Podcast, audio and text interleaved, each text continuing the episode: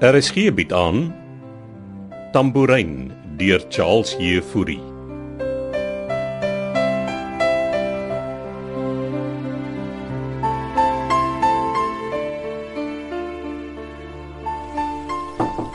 Binne. Ons praat weer later, Susan. Môre, Amelia. Beekman. Is jy nou al terug van die plaas af? Ja, gistermiddag al ek moes Susan terugbring. En nou, hoe was julle romantiese uitstappie? Asseblief, Amelia, ek het nie tyd vir grappies nie. Ag, moet jy altyd so pynlik ernstig wees? Daar's 'n tyd en plek vir alles. As jy hier is om Wynand te sien, hy slaap. Hoe gaan dit met hom? Soos ek sê, hy slaap. Nee, Ek het nuus vir hom oor die renosters. Jy kan my maar vertel. Twee van hulle is geskiet. Die ander is alright. En het hulle die horings verwyder?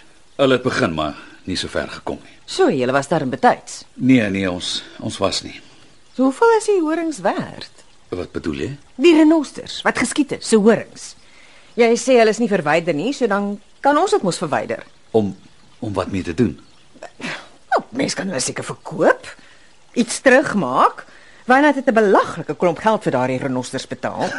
Jy jy, jy wil die renosters se horings verkoop. Ja, ons moet 'n mark vir die goed. Mens kan nie net renosterhorings verkoop nie, Amelia. Daar daar geld baie streng wetgewing. Hulle hulle kan jou toesluit. So, wat doen mens met die goed? Dit is vir Wynand om te besluit. Dit is tog sy renosters. 'n Wynand is nie in 'n toestand om enige besluite op die oomblik te neem nie. Gaan kry die horings vir my en bring hulle hierheen. Miskien kan ek hulle op my lesenaar uitstal. Ek het hulle klaar van die renosters afgehaal. sien?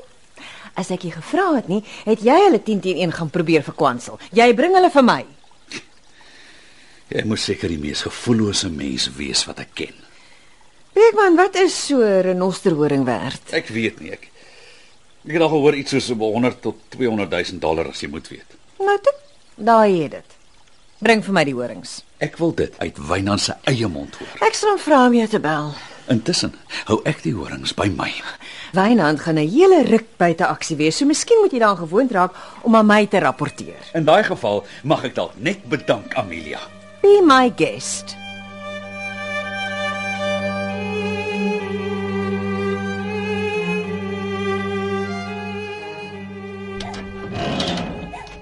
Ma. Ma. Is maar hier. Nou daar. Ek is in die spensie agter. Ma, moenie die agterdeur net so oop los nie. Man, wie gaan dan nou vir my kop la? Ma woon nou alleen. Dis nie veilig nie. Ag, asseblief tog man. Ou sof se brak blaf vir alles en almal wat hier verby stap. Never mind in die jaat kom. Hoe het jy hom? Kan nie help nie.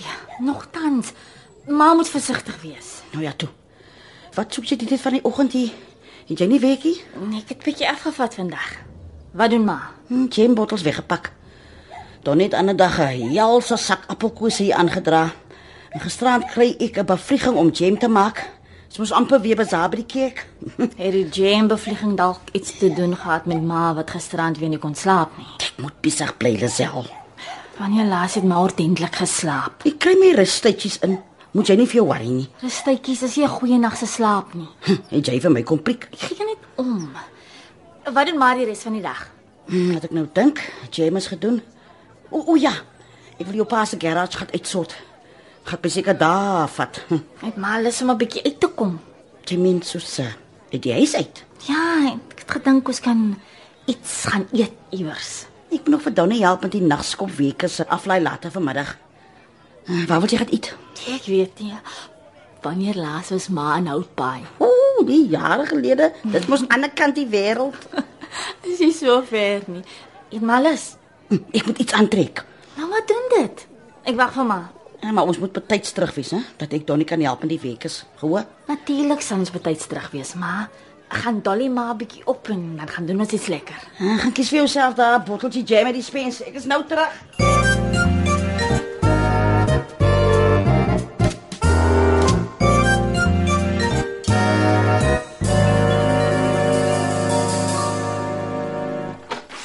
Mag nie glo wat se oproep ek sopas gekry het nie. Lyk my kantoor vir jou soos 'n grot, Ja? Lenka. Sorry ek het nie geklop nie, maar ek het baie goeie nuus. Asseblief, ek kan doen met goeie nuus. Ek weet waar Armand is. Hoe so? Wel, okay, nie heeltemal nie, maar die polisie het my nou net gebel en laat weet hulle vermoed hy's op Mamesbrie. Wat op aarde doen hy daar? Iemand het hom op die dorp gesien. Mamsbury. Maar ek ken niemand daar nie. Hy's glo saam met 'n groep jong ouens gesien. Wat 'n groep jong ouens. Is jy seker dis Armand? Volgens die polisie en die beskrywing van die persoon wat hom gesien het, klink dit soos Armand. En weet hulle waar hy nou is? Nee. Maar ehm ek het gedink ek moet dalk deurry soontoe. Om wat te doen? Om te gaan soek in Maamsbury. Maar hy moet daar iewers wees. As dit hy was, Linka. Kan ek maar se pos leen? Jy gaan nie op jou eie soek doen nie. Maar ek gaan net rondry en kyk of ek hom kan sien. Jy vat Beekman saam en jy ry met sy bakkie. Beekman. Ag maar, die man is so nors. Beekman is opgelei vir die soort goed. Ek sê my jou pa reël dat hy hom bel en vra om saam met jou te gaan. Okay. Maar ek wil so gou as moontlik ry. Die polisie het my die naam van die persoon gegee wat hom gesien het. So die kans is goed dat ons Armand gaan kry. Solank jy Beekman saamvat.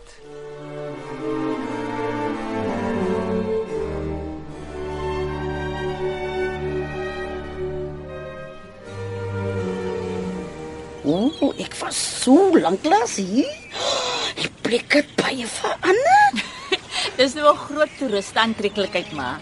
Ek en jou pa het in die ou dae hier kon date. Wat al vertel. Dis hoekom ek maar hierheen wil bring. Jy wil nou net trane in my oë sit self. Waar het julle gewoonlik gaan eet?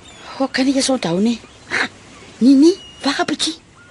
Daai plekkie lyk vir my bekend. Oh, so wat? Dis dieselfde plek. Wat?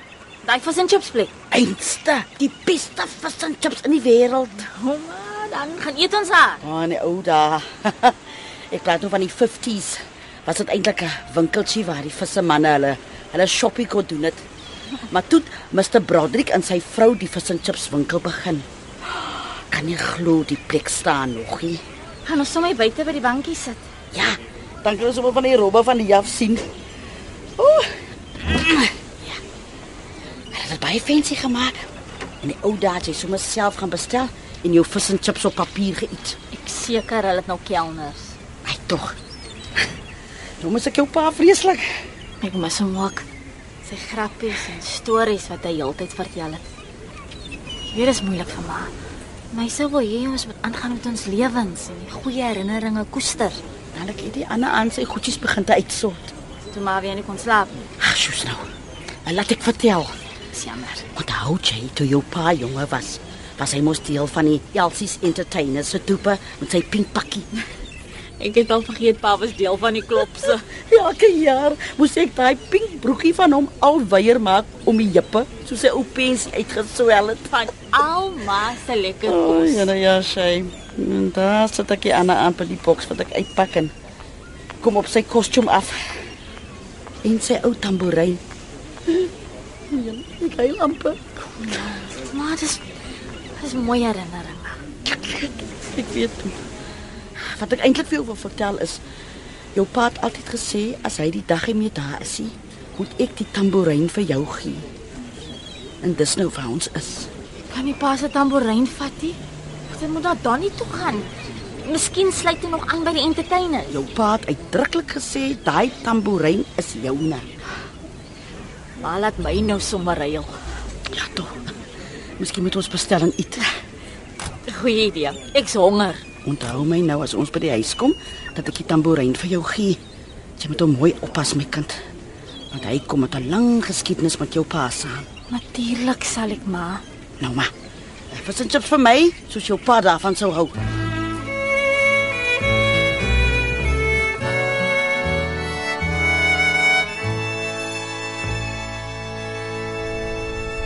Wat is die man se naam? Ehm, Giel Rademeier. Rademeier. Hoe klink dit of jy die naam ken? Ja. Ek weet nie, hy lei iewers 'n klokkie.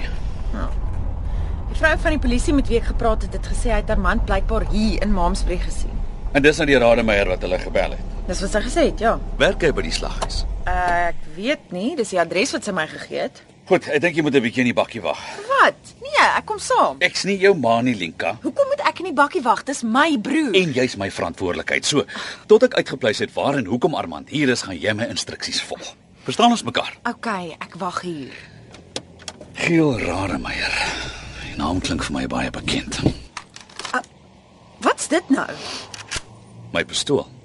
Jy wil tog jy gaan die man mos net vra waar hy my broer gesien het. Waarvoor moet jy 'n kan saamvat? Dis 'n pistool, nie 'n gun nie. Hoekom het jy so geskok gelyk toe jy die naam Giel Rademeier hoor, Beekman? Toe ek destyds in die rekkies was, was daar 'n geel rademeier saam met my.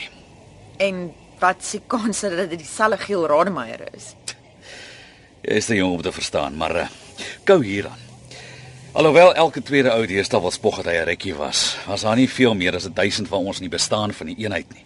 So omtrent almal het mekaar geken.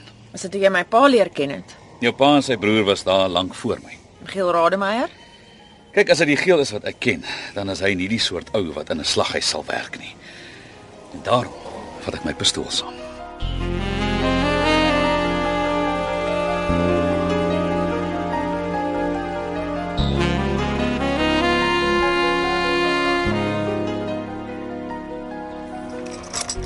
Hier sê, Ek onthou die tamboerijn.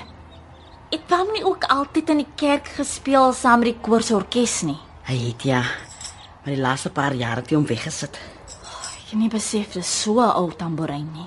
Jou pa het my vertel die tamboerijn het aan sy ouma behoort en dat sy dit destyds vir haar dogter gegee het wat jou pa se ma was. En omdat jou pa die enigste kind was, het sy dit toe vir hom gegee. Die tamboerijn is iets soos 200 jaar oud. Liewe jammer. Ah, oh, dit maak dit baie kosbaar maar. Ek dink dis hoekom jou pa wou hê jy moet dit eer vir self. Ek sal moet leer om op hom te speel.